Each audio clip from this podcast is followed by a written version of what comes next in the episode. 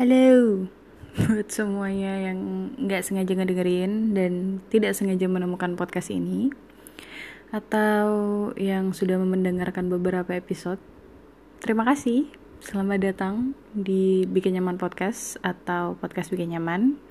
Pembukaan gue gitu-gitu aja karena nggak kepikiran yang lain dan masih belum bisa ngedit, maafkan. Jadi di episode kali ini gue bakal bahas sesuatu yang ke-trigger karena gue lagi rewatch NKCTHI atau nanti kita cerita tentang hari ini. Salah satu film yang recommended sih buat yang belum nonton. Please nonton karena bagus banget, suka banget dan uh, it's one of my favorite movies lah. Yang benar-benar top notch deh pokoknya. Ya kebanyakan endorse NKCTHI BTW kalau misalnya gue ada medok-medoknya mohon dimaafkan karena lagi pulang kampung. Ya ketahuan kalau orang Jawa. Oke skip. Kita lanjut lagi ke pembahasan di podcast kali ini. Gue pengen bahas tentang dua hal. Satu tentang support system yang nanti bakal lebih dielaborasi lagi di episode selanjutnya mungkin ya. Karena uh, the importance of support system itu menurut gue sangat-sangat apa ya sangat-sangat penting dan kadang kita lupa pentingnya pentingnya punya support system yang kuat dan pentingnya untuk menjadi ataupun mencari support system yang baik ya untuk kita bisa going with our life.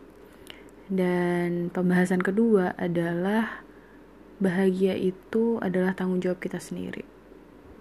Pembahasan kedua ini salah sih kenapa gue bilang kedua ya. Harusnya ini adalah pembahasan utama kita di sesi kali ini bahwa bahagia itu di tangan kita bukan di tangan orang lain gitu. Buat yang udah nonton NKC NKCTHI maaf gue agak belibet ngomongnya hari ini.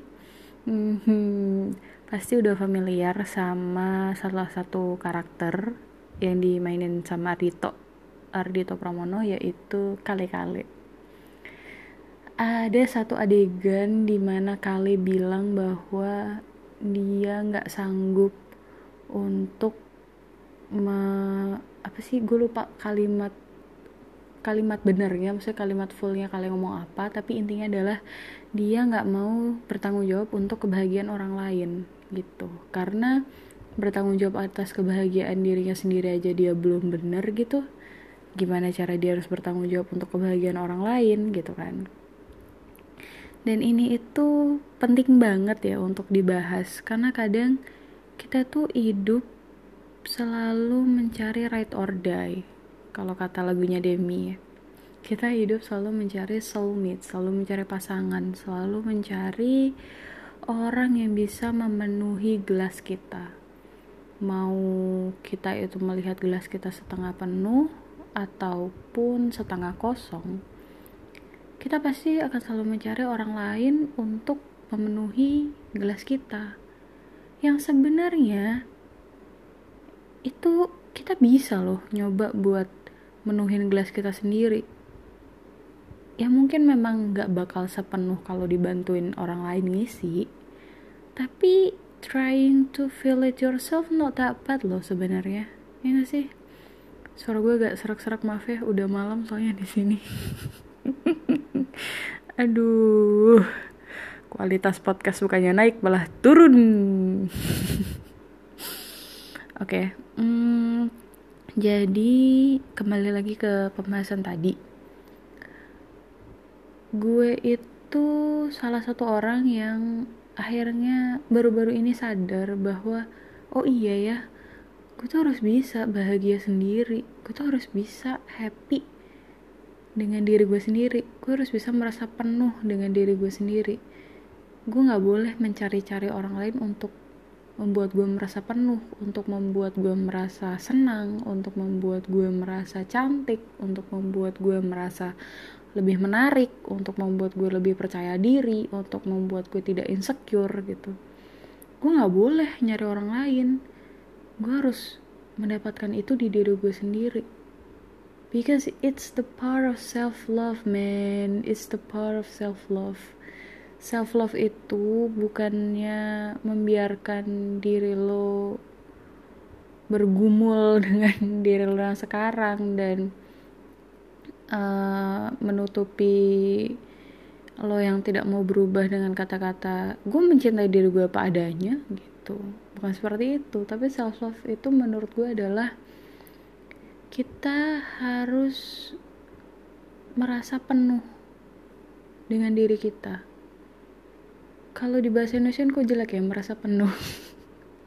You have to feel the full you have to feel full like uh, the feeling of full and happy and like you're not an empty glass. Itu tuh harus dari dalam diri lo sendiri gitu loh bukan dari orang lain gitu. Karena kasihan orang yang lo suruh untuk ngisi gelas ngisi gelas lo gitu. Belum tentu orang itu sanggup loh buat bantuin lo ngisi gelas lo ya gak sih? Belum tentu orang itu memiliki jiwa sebesar itu dan kesiapan yang segitunya untuk menjadi pemenuh gelas lo. Halah ngomong apa sih? Ya gitulah. Pokoknya lo ngerti lah maksud gue kan.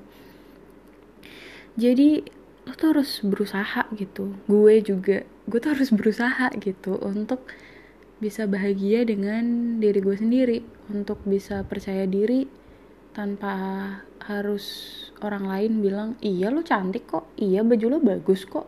Iya lo nggak gendutan kok. Aduh sensitif banget tuh kata-kata gendut. Iya nggak nggak. Udah nggak segitu ya. Lebay gue aduh jokesnya makin hancur.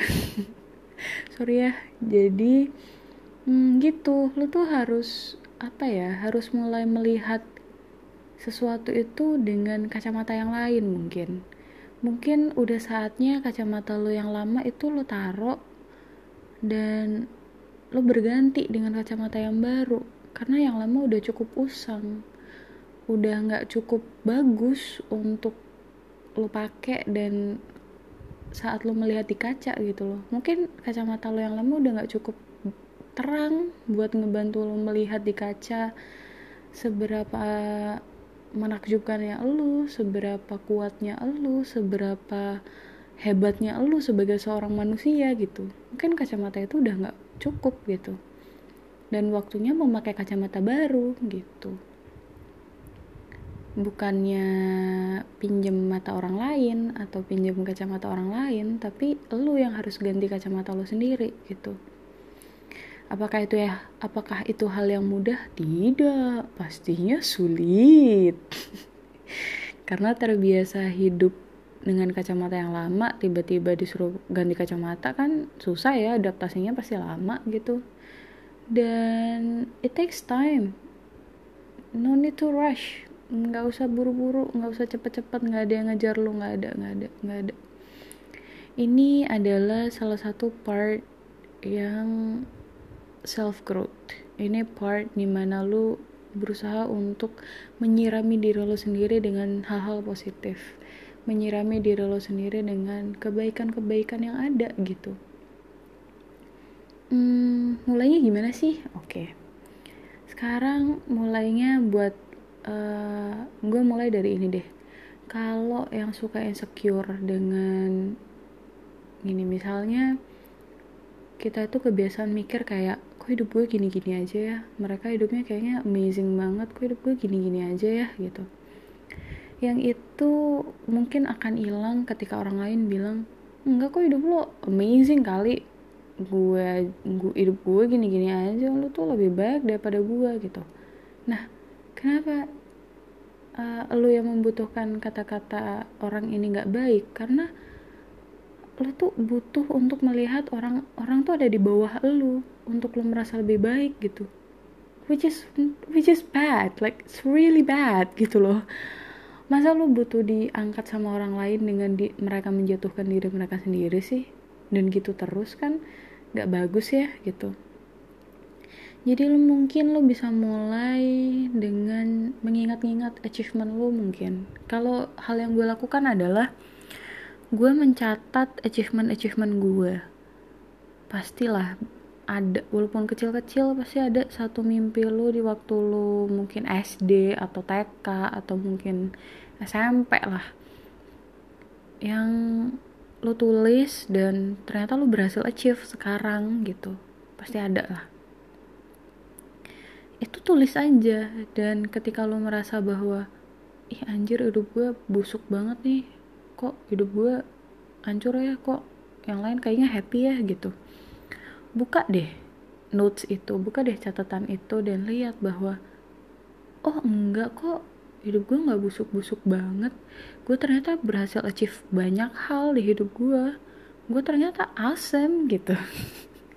Sekali-sekali muji diri sendiri tuh nggak apa-apa bro. Nggak bikin kita congkak nggak bikin kita jadi sombong gitu. Itu adalah bagian dari mengapresiasi diri sendiri menurut gue sih gitu nah kalau untuk gimana sih caranya bahagia dengan diri kita sendiri? Gimana cara mengachieve kebahagiaan kita sendiri tanpa harus ada tangan orang lain yang ikut narik kita gitu? Simple. It's really simple. Uh, caranya adalah lakukanlah sesuatu yang membuat anda bahagia. Lakukanlah sesuatu yang membuat anda merasa oh anjir gue suka banget nih ngelakuin hal ini gitu lakuin aja.